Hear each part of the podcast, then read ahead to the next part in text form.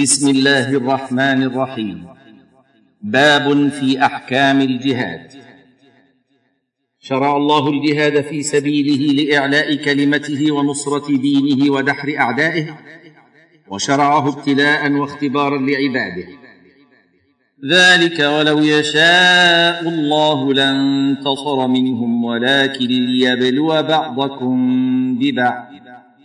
والذين قتلوا في سبيل الله فلن يضل أعمالهم. سيهديهم ويصلح بالهم ويدخلهم الجنة عرفها لهم. والجهاد في سبيل الله له الأهمية العظيمة في الإسلام فهو ذروة سنام الإسلام وهو من أفضل العبادات.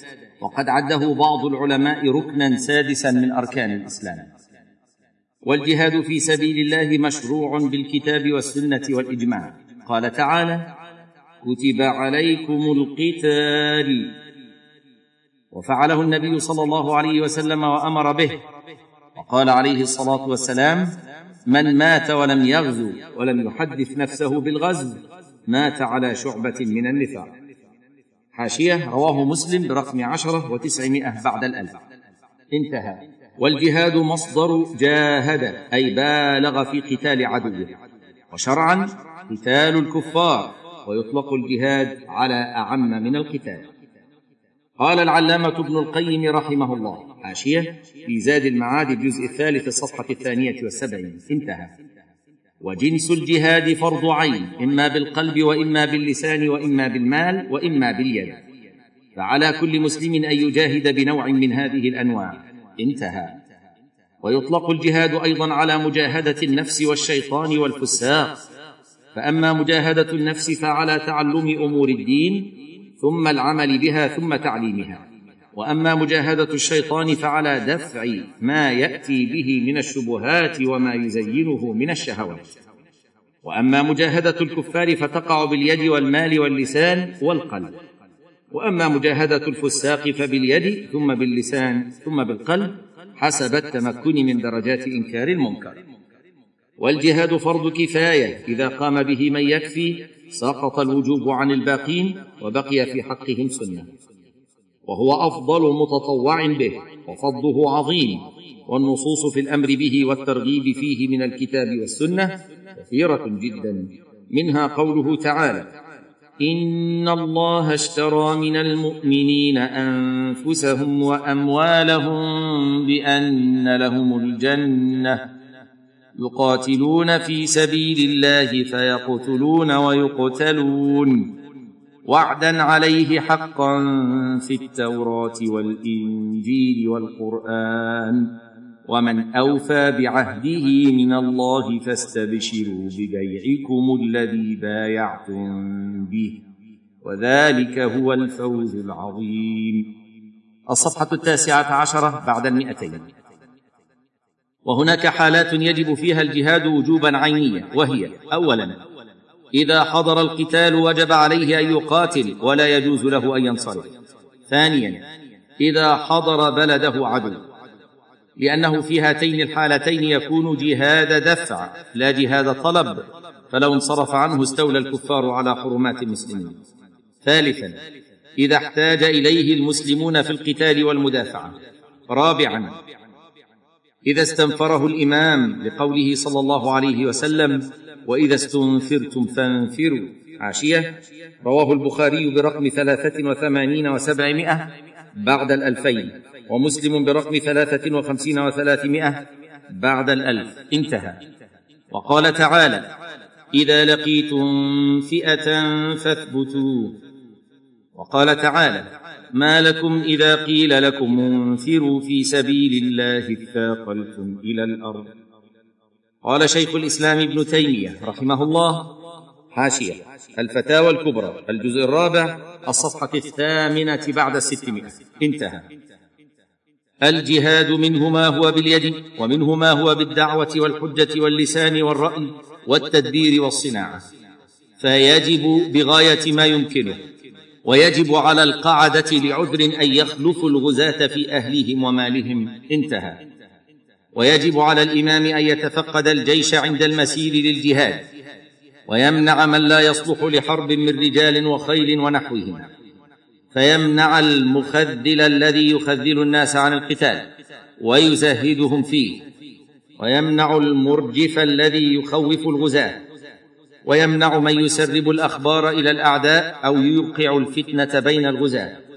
ويؤمر على الغزاة أميرا يسوس الجيش بالسياسة الشرعية. ويجب على الجيش طاعته بالمعروف والنصح له والصبر معه. لقوله تعالى يا ايها الذين امنوا اطيعوا الله واطيعوا الرسول واولي الامر منكم ان الجهاد في الاسلام شرع لاهداف ساميه وغايه نبيله شرع الله الجهاد لتخليص العباد من عباده الطواغيت والاوثان لعباده الله وحده لا شريك له الذي خلقهم ورزقهم قال تعالى وقاتلوهم حتى لا تكون فتنة ويكون الدين كله لله. شرع الله الجهاد لإزالة الظلم وإعادة الحقوق إلى مستحقيها. قال تعالى أذن للذين يقاتلون بأنهم ظلموا وإن الله على نصرهم لقدير. الذين أخرجوا من ديارهم بغير حق إلا إلا أن يقولوا ربنا الله. الصفحة العشرون بعد المئتين. شرع الجهاد لإذلال الكفار والانتقام منهم وإضعاف شوكتهم. قال تعالى قاتلوهم يعذبهم الله بأيديكم ويخزهم وينصركم عليهم ويشف صدور قوم مؤمنين. ويذهب غيظ قلوبهم ويتوب الله على من يشاء والله عليم حكيم. والقتال إنما يكون بعد تبليغ الدعوة كما كان الرسول صلى الله عليه وسلم يدعو الناس قبل القتال إلى الإسلام ويكاتب الملوك بذلك ويوصي قواد الجيوش الإسلامية بدعوة الناس إلى الإسلام قبل قتالهم فإن استجابوا وإلا قاتلوهم وذلك لأن الغرض من القتال في الإسلام هو إزالة الكفر والشرك والدخول في دين الله. فإذا حصل ذلك بدون قتال لم يحتج إلى القتال. والله أعلم.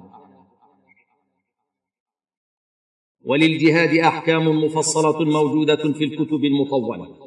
وإذا كان أبواه مسلمين حرين أو أحدهما لم يجاهد تطوعا إلا بإذنهما. لقوله صلى الله عليه وسلم ففيهما فجاهد.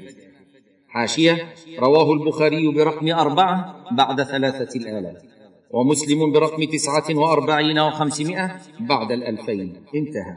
وذلك لأن برهما فرض عين والجهاد فرض كفاية وفرض العين مقدم على فرض الكفاية. وعلى إمام المسلمين أن يتفقد الجيش عند المسير ويمنع من لا يصلح للحرب من رجال وخيل كالمخذل والمرجف اللذين يثبطان الناس عن القتال ويزهدان فيه ويخوفان المسلمين وينشران الأخبار والإشاعات التي تخوف الجند. وعلى الإمام أن يعين القادة للجيوش وينفل من الغنيمة من في تنفيله مصلحة للجهاد ويقسم بقية الغنائم في الجيش كله. ويلزم الجيش طاعة أميرهم بالمعروف والنصح له والصبر معه. لقوله تعالى يا أيها الذين آمنوا أطيعوا الله وأطيعوا الرسول وأولي الأمر منكم. ولا يجوز قتل صبي ولا امرأة وراهب وشيخ فان ومريض مزمن وأعمى. لا رأي لهم ولم يقاتلوا أو يحرضوا. ويكونون أرقاء بالسبي لأنه صلى الله عليه وسلم كان يسترق النساء والصبيان إذا سباهم. وتملك الغنيمة بالاستيلاء عليها في دار الحرب. والغنيمة ما أخذ من مال حربي قهرا بقتال وما ألحق به مما أخذ فداء. وهي لمن شهد الوقعة من أهل القتال بقصد القتال قاتل أو لم يقاتل. لأنه ردء للمقاتلين ومستعد للقتال فأشبه المقاتلين. ولقول عمر رضي الله عنه الغنيمة لمن شهد الوقعة.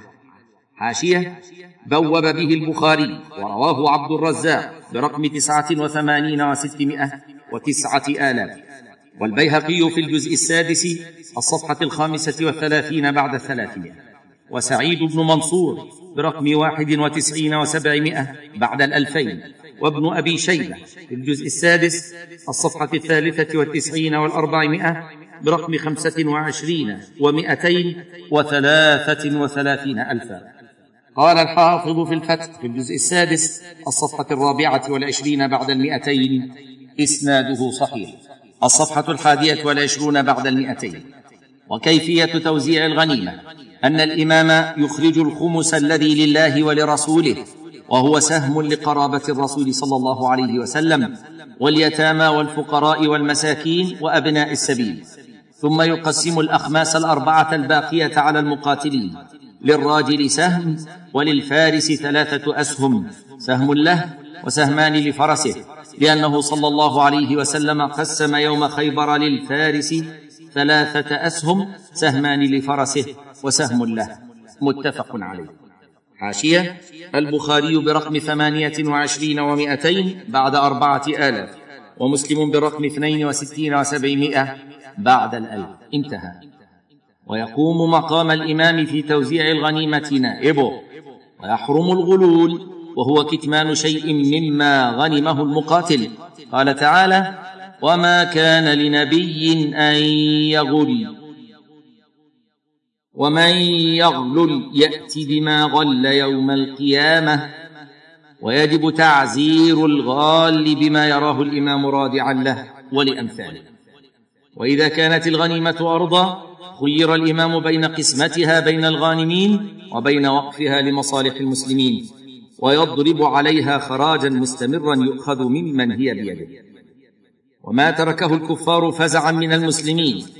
ومال من لا وارث له وخمس خمس الغنيمة وهو سهم رسول الله صلى الله عليه وسلم فهو فيء يصرف في مصالح المسلمين.